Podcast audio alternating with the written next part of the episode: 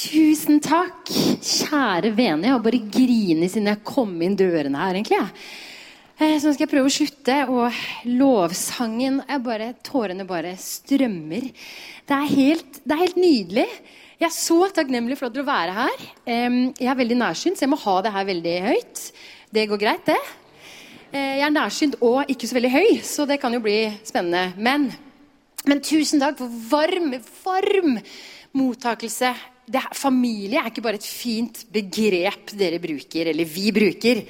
Det er en realitet om det fellesskapet her. Det er i hvert fall sikkert. Tusen takk for at jeg skal få lov til å være her og få lov til å preke for dere. Det må jo være det som heter nåde over nåde. Som Eirik sa, så heter jeg Anita Nyman Jarlaug. Jeg jeg er 38 år. Jeg har én mann, tre barn. Um, og vi bor i Oslo. Og som han sa, så det mest spennende, det aller mest spennende som kan sies om oss som familie, er rett og slett denne kirkeplantingen som vi har satt i gang sammen med en fantastisk herlig gjeng, og som fra nå ganske nylig av bærer det offisielle navnet Imi-kirken Kollektivet. Og det er helt rått å få lov til å være med på det. Og dette med kirkeplanting ja. ja. Det er nåde og velsignelse og rått å få lov til å være med på kirkeplanting. Og det har ligget i hjertene til mannen min, han heter Lars Kristian, og meg altfor lenge. Det har ligget så lenge der at vi ble ekstremt frustrerte og sure og oppgitt etter hvert. Eh, men så, høsten 2017, så så dette dagens lys i det helt, helt små hjemme i stua vår. Og det er veldig svært. I tillegg til å drive med kirkeplanting så jobber jeg eh, til daglig i KRIK, Kristen idrettskontakt. Eh, jeg synger en del. Eh, ja, jeg brenner for lovsang, elsker lovsang. Jeg holdt på med sang og musikk og lovsang i over 20 år. Eh, og de siste fem årene så har jeg også vært litt rundt og talt og prekt en del steder. Og det har vært en veldig ny og spennende reise for meg. Og det jeg har snakka aller mest om når jeg er et sted og taler, det er lovsang. Jeg elsker å lovsynge, og jeg elsker å snakke om lovsang. Og i dag er intet unntak. Det blir en lovsangspreken i dag òg. Dere elsker jo lovsang, det ser jeg jo. Dere holder på så lenge. Dere har lovsangskole. Altså alt. Hallo. Um, og det jeg kommer til å gjøre, er at em, det blir litt mer vitnesbyrd, schwung, og kanskje ikke så mye undervisning om lovsang, men litt mer en eh, vitnesbyrd-innfallsvinkel til dette med lovsang. Eh, og nå kan jeg se på dere at dere har hørt masse undervisning om lovsang. Eh, og jeg tipper òg at dere har hørt en del undervisning eller taler om det å snakke sant om livet. Det har jo blitt veldig inn å snakke sant om livet. Og selv om det er inn, så betyr ikke at det bare er noe vi gjør for at det er inn, men det er kjempeviktig. Så dette her blir en kombinasjon av lovsang og lovsang sånn på godt og vondt. Lovsang når ting er vanskelig.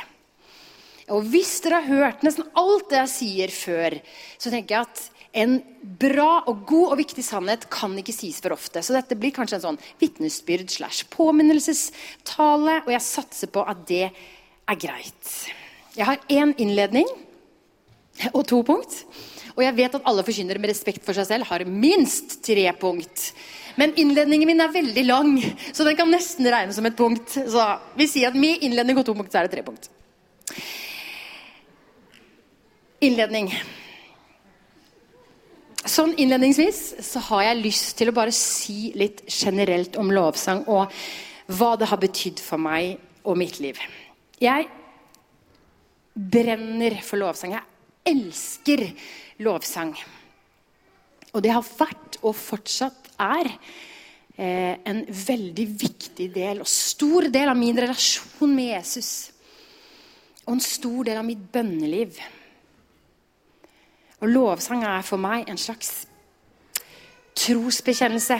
Noe som løfter perspektivet mitt, og som gjør hjertet mitt mykere. Og det trengs, for noen ganger så blir hjertet mitt litt hardt. Og så har jeg noen, i noen perioder bare Jeg vet ikke hvorfor, men jeg har noen ganger behov for å liksom holde Gud litt på avstand. Det er ikke alltid så veldig bevisst. Men så kan det være skam eller andre ting som bare sniker seg inn og skaper en slags avstand. Og da er lovsangen, i hvert fall for meg, en sånn, et sånn første steg tilbake til en sånn nærhet med Gud igjen. Jeg har bare lyst til å Jeg har lyst til at det jeg sier, skal være forankra i den aller viktigste boka, som er Bibelen. Så Derfor leser jeg noen bibelvers bam, bam, bam, om lovsang. Og Mye av det er naturlig nok henta fra salmene. Men jeg begynner der. Det står Det er godt å takke Herren og lovsynge ditt navn, du høyeste. Det står Jeg vil lovsynge Herren til alle tider. Alltid lovsynge ham med min munn. Og så står det hele jorden skal bøye seg for deg. De skal spille for deg og lovsynge ditt navn. Jeg vil velsigne deg hver dag og lovsynge navnet ditt til evig tid. Og I Johannes så står det Gud er ånd, og de som tilber ham, må tilbe i ånd og sannhet. Og dette er noen av mange bibelvers om lovsang. Lovsang er i våre sammenhenger ofte veldig tett knytta sammen med sang og musikk. Og i veldig mange kirker er det en veldig stor del av gudstjenesten. Og sånn har det egentlig vært i lang, lang tid. Og jeg elsker det, for jeg digger sang og musikk og blir veldig berørt av det. Men det er faktisk sånn. Påminnelse nummer én. Lovsang, tilbedelse, er en hjerteting. Det er en hjerteholdning. Og det er å løfte blikket bort fra seg selv og fra det man kan være veldig opptatt av. Løfte blikket, se på han, fokusere på han, gi han oppmerksomhet, ære han. Og bli minna på hvem han er, og hva han kan gjøre. Og det trenger jo ikke ha noe med sang og musikk å gjøre. Jeg personlig er overbevist om at vi mennesker er skapt til å tilby. Jeg tror det er lagt der av Gud selv. Og jeg tror faktisk at alle mennesker tilber. Men ikke alle tilber Gud, men at alle på en eller annen måte tilber noe eller noen. Og jeg tror at den trangen der er lagt der av Gud, og at den hele tiden var ment til å rettes mot Han. Og når vi er inne på tilbedelse, så har jeg bare lyst til å si Tusen, tusen takk til dere som jobber med lovsang, som jobber med å skrive sanger, som produserer, som spiller, som sitter i studio, og som gir ut musikk som ærer Jesus. For en velsignelse det er for oss! At vi bare kan sette på en plate, eller nå er det vel kanskje å plugge ting i øra og inn i telefonen, og så er vi bare i tilbedelse og i lovsang. Fordi noen bare har hjulpet oss med disse sangene og gitt de ut. Og brukt tid og krefter og ressurser på det. Tusen takk, Impuls. Tusen takk, Akta lovsangskole. Tusen takk, Dag André Østby. Tusen takk, Anders Skarpsen og Philadelphia-kirken. Og vi går litt bredere. Tusen takk, Hillsong. Tusen takk, Bethel.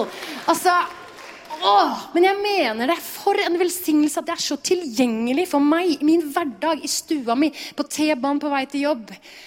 Jeg elsker det. Det er en sånn velsignelse. Jeg husker for noen år siden når Ungefilla skulle gi ut en, et ungdomsmiljø i Filadelfia-kirken i Oslo skulle gi ut en lovsangsplate, så var det en kompis av meg som sa trenger verden flere lovsangsplater. Og jeg bare Ja, det gjør den! Og mens vi er inne på lovsangsledere, David André Østby, en veldig fin lovsangsleder, han har en gang sagt dette om lovsang. og Jeg bare har lyst til å sitere han litt. Lovsang har foregått i alle kulturer, i alle religioner og til alle tider. Tilbedelsen kommer naturlig for de fleste av oss, og det vi trenger å lære, er å la vår tilbedelse få rett fokus. Det engelske ordet for lovsang, 'worship', betyr direkte oversatt 'det vi gir verdi'. Med andre ord Desto større verdi noe har, desto mer ære fortjener det. Tilbedelse er å gi Gud oppmerksomhet. Og en av mine største fristelser er jo nettopp selvopptatthet. Men det å kunne løfte blikket bort fra seg selv, se på Jesus, det betyr enormt mye. Og hvis jeg ikke tilber Gud, så kommer jeg til å tilbe noe annet. det er nok sannheten om meg. Og kanskje om flere av oss. Jeg opplever virkelig at jeg er i mitt rette element når jeg tilber Gud. Når jeg er sammen med Gud. Og det er en sang som har en setning som er sånn um, Her i din nærhet hvor jeg hører til. Og når jeg synger det, at jeg hører til i Guds nærvær, så kjenner jeg at ja, det er så sant. I belong in your presence. Og det er også noe som vekkes til live. Jeg tilhører det å tilbe ham, på en måte. Lovsang handler om Jesus, oppmerksomhet til Jesus. Det er til ære for ham. Og Lovsang handler ikke først og fremst om at jeg skal få gode følelser, en tåre i øyekroken, frysninger på ryggen. Men når det er sagt, det er nå en gang sånn med Gud og med Guds rike at når vi gir noe, så får vi så ofte noe tilbake. Det er egentlig en sånn Guds rike-regel. Og For veldig mange så er det sånn at når man gir sin lovsang til Gud, så får man tilbake en styrka tro, en oppkvikka ånd, for å bruke litt sånn kanonspråk. Man blir ofte fylt med håp, glede, fred. Og dette er noe av det som skjer med oss når vi gir vår lovsang til Gud. At det vi sier ut, eller synger ut, skaper noe. Og det er veldig bibelsk, egentlig. Og disse tingene i seg selv er ikke hovedhensikten med lovsang. Men det skjer ofte allikevel. Og jeg tenker litt sånn enkelt. Kanskje Gud tenkte at det skulle være sånn. Hvem vet. Og det jeg egentlig holder på med nå, er at jeg forteller litt om betydningen av lovsang i mitt liv. Kraften i lovsang. Og hva det betyr for meg å få lov til å bruke stemmen min til å sette ord på, rope ut, synge ut hvem Gud er, hva han kan gjøre, hvem jeg er i han, og hvordan han ser på meg. Ikke minst når livet viser seg å bli litt tøft, vanskelig. Og det skjer jo. Hva med lovsang da? Hvordan ser det ut? Og som jeg sa, så er det to punkt som jeg har lyst til å dele litt rundt. Det første punktet heter 'Bare på grunn av din nåde'. Punkt én. Og punkt to heter 'I dager med glede, i dager med sorg'. Innledning slutt. Punkt én. Bare på grunn av din nåde. Da jeg var tenåring, så var jeg ganske heldig. Jeg slapp litt unna de der identitetskrisetingene. Jeg hadde det egentlig veldig fint, trygt, godt. Og ting var også ganske sånn svart-hvitt, ikke alltid like nyansert. Eh, jeg elska å være i menigheten, jeg elska å være i ungdomsarbeid, jeg elska å være i lovsangsteam. Det var ganske greit, gikk litt på skinner. Og så ble jeg eldre, og så modnes og vokser både kjærligheten til Gud og kjærligheten til lovsang, det å tilbe Han, og forståelsen kanskje også litt rundt det det modnes. Og så Samtidig så begynner livet typisk å vise seg fra litt flere sider. Jeg flytta til Oslo når jeg var 21 og ble student. Og så begynte en sånn lang reise som faktisk varte i flere år. Og det handla, og er og Det er nesten liksom flaut å si det. Det er så klisjé. Men selv klisjeer kan være veldig sanne og også veldig vonde noen ganger. Det her med selvbilde. Eh, sammenligning, eh, dårlig selvfølelse, mørke tanker. Hele den pakka der. Og jeg begynte å føle meg så uverdig. Jeg hadde masse fordømmelse. Jeg følte at det var så mye på livet mitt som ikke var på stell. Og jeg følte også at jeg fortjener ikke å stå og lede folk i lovsang eller sånne ting. Det kan jeg bare glemme. Og jeg sleit så mye med det her. Og jeg tror også noe av grunnen var at jeg av en eller annen grunn så hadde jeg et bilde av at folk som sto på en scene i kristne sammenhenger og talte eller sang eller gjorde et eller annet, de hadde bare alt på stell. Og det var derfor de kunne stå der. De hadde et perfekt kristenliv. De gjorde aldri noe synd. De tvilte aldri. De gjorde aldri noe feil. De var aldri et eller annet. Sånt bilde hadde jeg. Jeg vet ikke hvor jeg hadde fått det fra. Men når jeg skulle sammenligne meg med det, det funka jo ikke i det hele tatt. Jeg hørte jo ikke til der. Jeg hørte jo ikke til i det bildet. Jeg er ikke sånn. Jeg er fortsatt ikke sånn. Eh, hvem er jeg til å stå foran folk og skulle si noe eller lede noe. På den tida så hadde jeg en utrolig fin Jeg vil egentlig kalle han for en slags lovsangsmentor. Han heter Lars Berg. En utrolig fin mann. Utrolig fin lovsangsleder. Og jeg var i teamet hans, og så mm, var det en dag jeg ringte til han og bare 'Nå er det nok'. Så ringte jeg til han og sa vet du hva, jeg kan ikke være med å lede i kveld. Jeg er ikke god nok. Jeg har ikke det som skal til. Jeg, det er for mye ting i livet mitt som ikke er bra. Jeg fortjener det ikke. Og da sier han til meg Anita, det er helt greit. Du trenger ikke å komme. Men jeg har bare lyst til å si deg dette her. At vi står her alle sammen av bare nåde. Og det er ingen av oss som fortjener dette. Det er bare nåde. Og det er så sant. Etterfølgere av Jesus, tilbedere av Jesus, er ikke perfekte mennesker som aldri gjør feil. Sanne tilbedere av Jesus er mennesker som har forstått at de er avhengig av Guds nåde og tilgivelse. Og som lar Gud reise dem opp igjen når de faller. Johannes første brev sier dersom vi bekjenner våre synder, er han trofast og rettferdig og tilgir oss syndene og renser oss for all vår urett. Romerne 8 begynner med en fanfare. Så er det da ingen fordømmelse for den som er Jesus Kristus. Og det samme kapittelet slutter like mektig. Ingenting kan skille oss fra Guds kjærlighet. Det er ingen avstand. På grunn av Jesu blod, på grunn av Guds nåde, har vi frimodighet til å komme foran Gud, foran Guds trone, og tilbe Han uten skam. Å, den der skammen. Den bare sniker seg inn. Og jeg merker det nesten ikke. Men den får meg til å tro gang på gang at jeg må gå strafferunde på strafferunde for å på en måte bli godtatt av Gud igjen. Men sannheten, påminnelse nummer to, sannheten er at ingenting kan skille oss fra Guds kjærlighet. Det er ingen avstand. I høst så hadde jeg en periode hvor jeg, hvor jeg dreiv og på en måte holdt Gud på avstand. Jeg føler meg så hjemme her. Er det, det er greit å si det? Ja, jeg dreiv og holdt Gud på avstand. Og jeg gjorde alt mulig annet enn å bruke tid på han. Og jeg må bare si at der er Netflix og scrolling på iPhone veldig viktige stikkord i den sammenheng. Eh, og dette er jo flaut når man driver med kirkeplanting og skal være leder og skal ha noe å komme med, og så har man bare ingenting å komme med.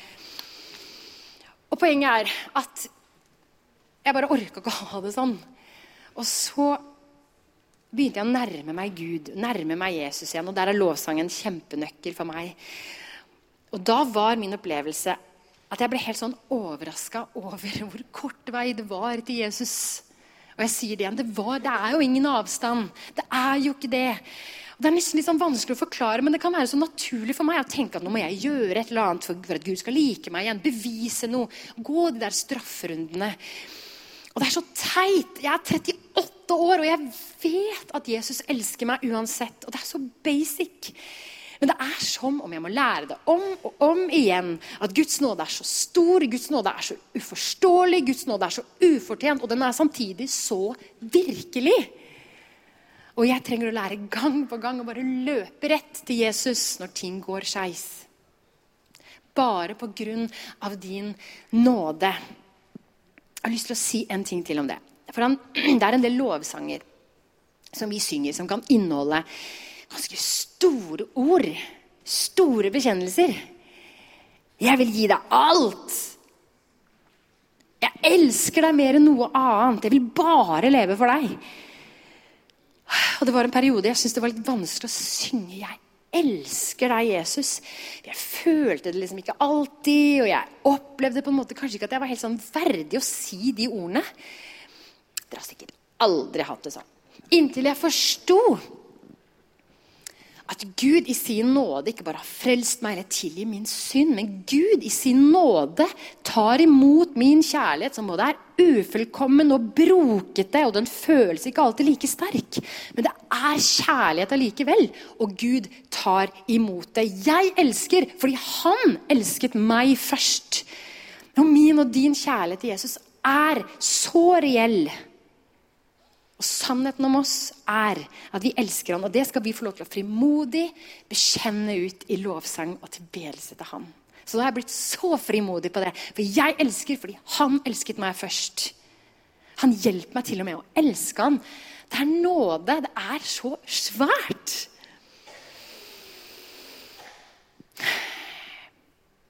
Bare på grunn av din nåde. Punkt to. I dager med glede, i dager med sorg.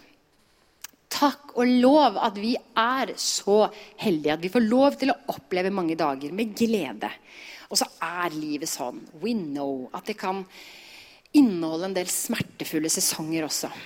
Og det kan se veldig forskjellig ut fra person til person. Livet er uforutsigbart, og vi som kristne vi lever i et spenn. På den ene siden Gud er alltid god, og Gud er alltid nær. Og på den andre siden livet kan ha noen skikkelig vonde tider og sesonger også. Og det kan handle om tap, sorg, depresjon, angst. Og jeg brenner for å snakke sant om hvordan det er. Men jeg brenner samtidig så for å snakke sant om hvem Gud er. Og begge deler er veldig viktig. Vi trenger begge deler. For syv år siden var jeg gravid med barn nummer to. Eh, og ganske mm, Nei, ikke ganske raskt. Det var type sånn uke 18 rundt vanlig, mm, ordinær ultralyd. Så finner vi ut at babyen vår har en veldig alvorlig hjertefeil, og at han er psykisk utviklingshemmet. Og han har Downs syndrom. Og selv om jeg vet og har visst hele livet at alle barn har en hensikt, alle liv er like verdifulle, menneskeverd, alt det der I know, Jeg vet det så godt, og jeg mener det 100% Men likevel syns jeg det var så tøft og vanskelig å få den beskjeden. At vi skulle få et barn med Downs syndrom. Ting ble veldig uforutsigbart plutselig. Og jeg, jeg, visste lite. Jeg, jeg hadde sikkert en del fordommer, ikke vet jeg. Um, men det var en veldig krevende beskjed å få. Og min første reaksjon var Hvorfor? Det var masse følelser, masse frykt. Men veldig tidlig Nå må jeg ta opp den her. Så fikk jeg et bibelvers som ble en slags overskrift Eller det, når jeg ser tilbake nå, så er det bibelverset er overskriften over den perioden i livet mitt. Og det står i Jesaja kapittel 61 vers 3. Han vil gi de sørgende i Sion hodepynt, hodepynt i stedet for aske, gledens olje i stedet for sorg. Og hør lovprisningens drakt i stedet for avmaktsånd. Han vil gi deg lovprisningens drakt i stedet for avmaktsånd. For det første er det veldig poetisk. Og for det andre er det helt utrolig sterkt. Og jeg fikk det bibelverset. Og noen ganger når ting kan være vanskelig, og du bare Å, jeg har et bibelvers der. Så bare Åh, orker ikke. Mens, men nå Mens nå jeg ble, jeg ble ikke provosert eller noen ting. Jeg bare, det bare gikk rett inn. Og jeg opplevde det som et løfte fra Gud. Det var som om Gud visste at jeg er en tilbeder, men nå vet jeg ikke helt hvordan jeg skal klare å tilbe deg. Og at han ville hjelpe meg med å ikle meg lovprisningens drakt. Og vet du hva? Det, det gjorde han. Og Mitt vitnesbyrd om den perioden er at tilbedelse ble det som bar meg gjennom. At jeg fikk løfte blikket og bekjenne ut hvem Jesus er midt i alt. Og først og fremst så var det egentlig veldig i det enkle, i det små.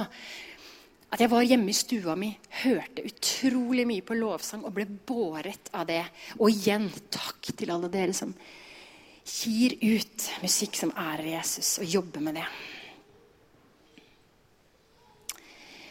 Og så er det noen sånne konkrete ting. og Jeg har lyst til å bare fortelle en konkret hendelse. Det var, Jeg var på vei til Ullevål og skulle ta noen prøver. Jeg, jeg var mye på Ullevål på ultralyder, og de sjekka hjertet til babyen og masse sånt.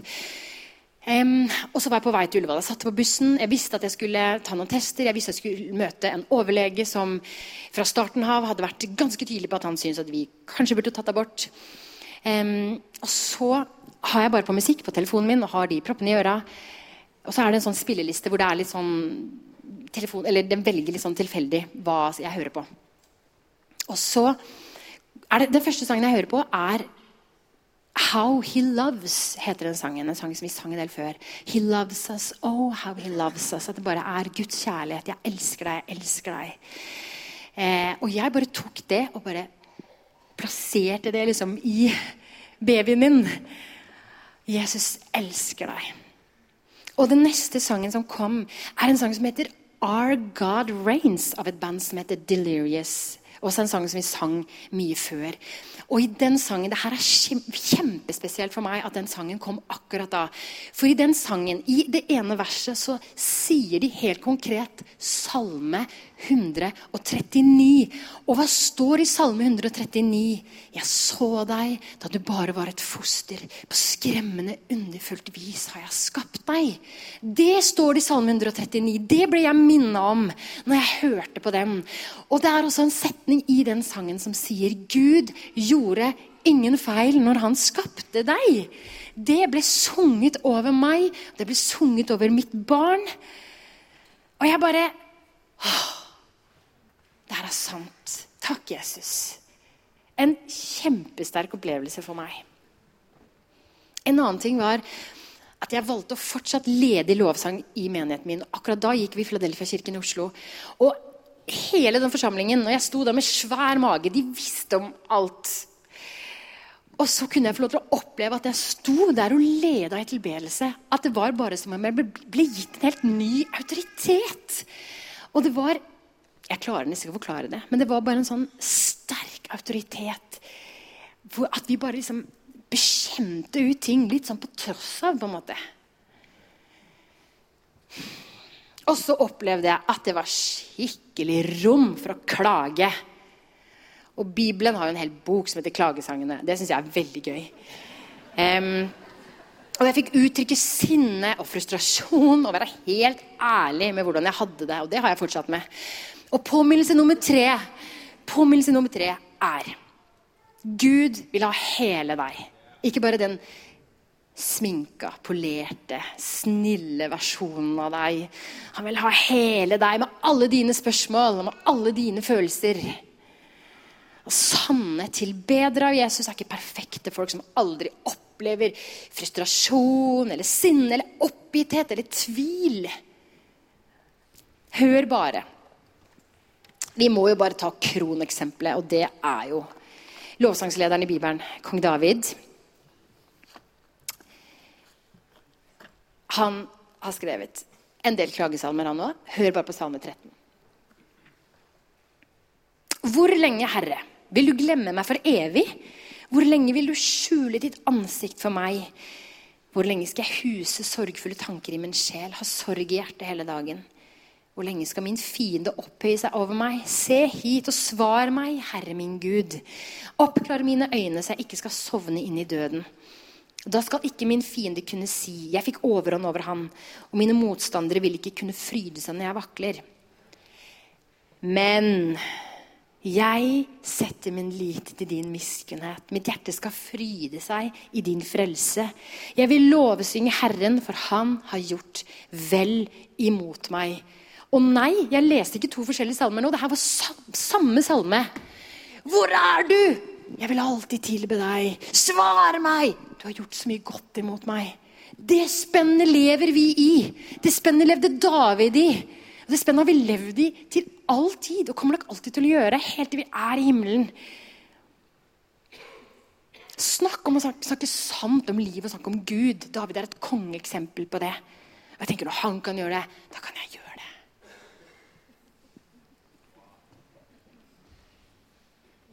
Da Nathanael, som barnet vårt heter, han er syv år nå Da han ble født så var den hjertefeilen som eh, de hadde sett på ultralyden, den var mye verre enn vi hadde blitt forespeila.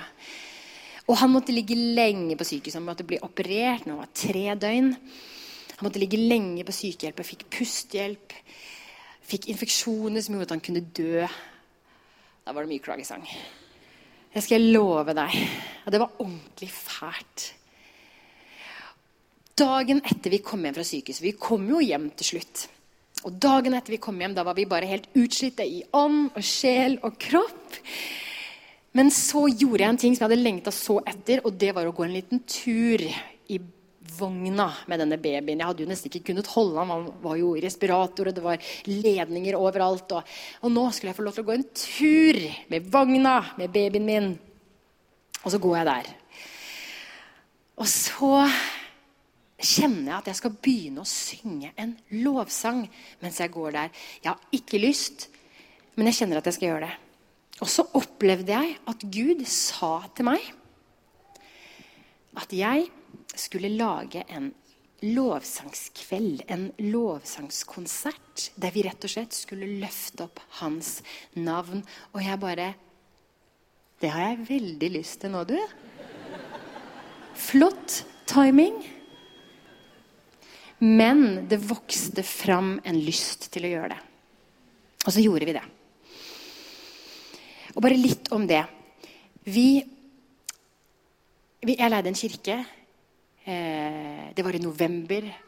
En skikkelig så mørk måned. Eh, og så sitter vi der en onsdag kveld i november. Og så ser jeg utover salen før vi skal begynne, idet vi skal begynne. Så ser jeg på bakerste rad, så sitter en venninne av meg uten noe hår.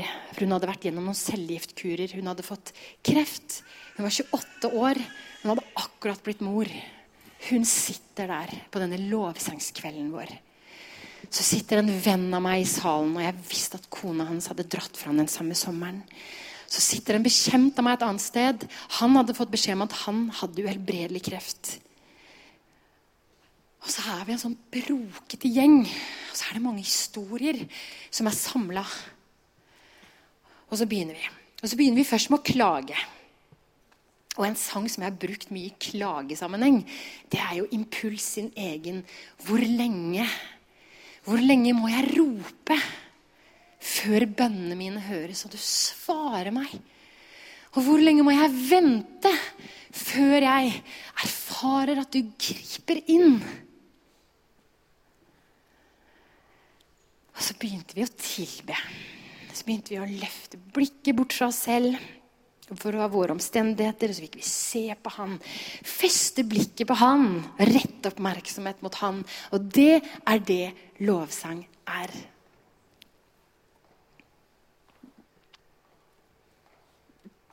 Det var en periode som jeg begynte å kjenne litt på angst.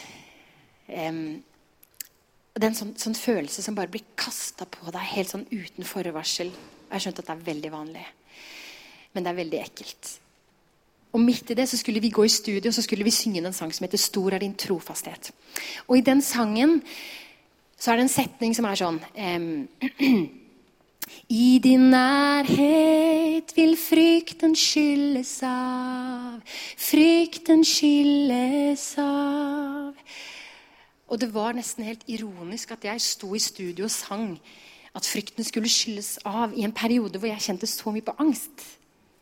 Og så er det ikke ironisk, for det ble en bekjennelse om hva Gud kan gjøre, og hva som faktisk er sant. Han kan sette fri. Og han er til stede, og han er nær, og det er ingen avstand. Og jeg håper at dere forstår at jeg står ikke her og sier hvis du har det tøft, hvis du har det vanskelig, synger lovsang, så blir alt bra.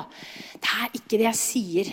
Og det er ikke alltid i tunge perioder at jeg tenker nå kjører vi en lovsang, og at det er det første jeg gjør når jeg våkner om morgenen. Og jeg syns noen ganger at det kan være enklere å, å trekke meg litt unna Gud enn å løpe til Han, selv om jeg vet at det er det jeg burde gjøre. Men jeg har tatt et valg om at jeg så raskt som jeg bare klarer, skal løpe til Gud og vende meg til Gud. Og Noen ganger er det klagesang som kommer først. Og så kommer tilbedelsen, og det har jeg bibelsk dekning for, tenker jeg. Øse ut hjertet mitt, det vonde, det vanskelige og det gode. Og det er sant at vi kan streve, det er sant at det kan være mørkt, at det kan være tungt. Men jeg tror at Gud vil gi oss lovprisningens drakt, så vi kan lære oss å tilbe og lovsynge Gud og bli stående til alle tider i alle sesonger. Fordi Gud er alltid verdig. Og selv om vi ikke skjønner oss på han, så er han verdig. Når vi ikke føler noen ting, så er han verdig. Og jeg tenker at uansett hvordan vi vrir og vender på det, så er vi skapt til å tilbe. Og det er bare lagt der i vår natur. Og tilbyr vi ikke Gud, så er sannsynligheten stor for at vi kommer til å tilby noe annet. Og på grunn av Hans nåde, på grunn av din nåde, bare på grunn av din nåde, så kan vi komme fram for Han frimodig, synge ut, rope ut at vi elsker ham. Uansett omstendigheter så er det sant at Gud er god, så er det sant at Gud er nær. Og noe av kraften er at vi kan bekjenne ut sannheten om Jesus midt i smerten. Til slutt, Det fins mange som har skrevet sterke sanger og lovsanger midt i smerte. Og for fire-fem år siden eh, så skrev Chris Kilala, heter han, en lovsangsleder fra Jesus Culture. Eh, han skrev en sang som heter 'Miracles'. Mirakler. Mirakel. Han og kona opplevde å miste sønnen sin når han var en baby. Og de hadde bedt og de hadde proklamert bibelvers over han, men han overlevde ikke. Og Chris Kilala sier jeg og kona mi kunne blitt stuck og gått rundt i sirkel og spurt Gud hvorfor han ikke ga oss det miraklet vi håpet på. Men i stedet for å tvile på Gud i disse omstendighetene, så valgte vi å bevege oss mot Han, stole på Han og holde fast på Han enda tettere. Og så skriver han sangen 'Miracles'. I believe in you, I believe in you, you're the God of miracles. Jeg tror på deg, jeg tror på deg. Du er miraklenes Gud. Og han sier at jeg skrev den fordi jeg trengte å bli minna på hvem Gud er.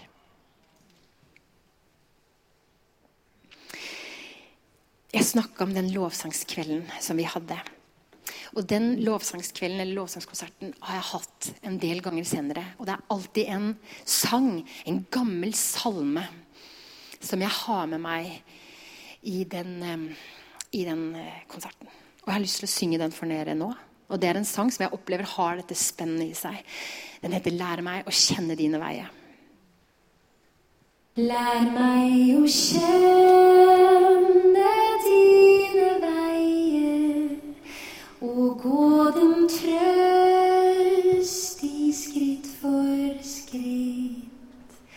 Jeg vet at hva jeg fikk i eie, er borget godt, og alt er ditt. Men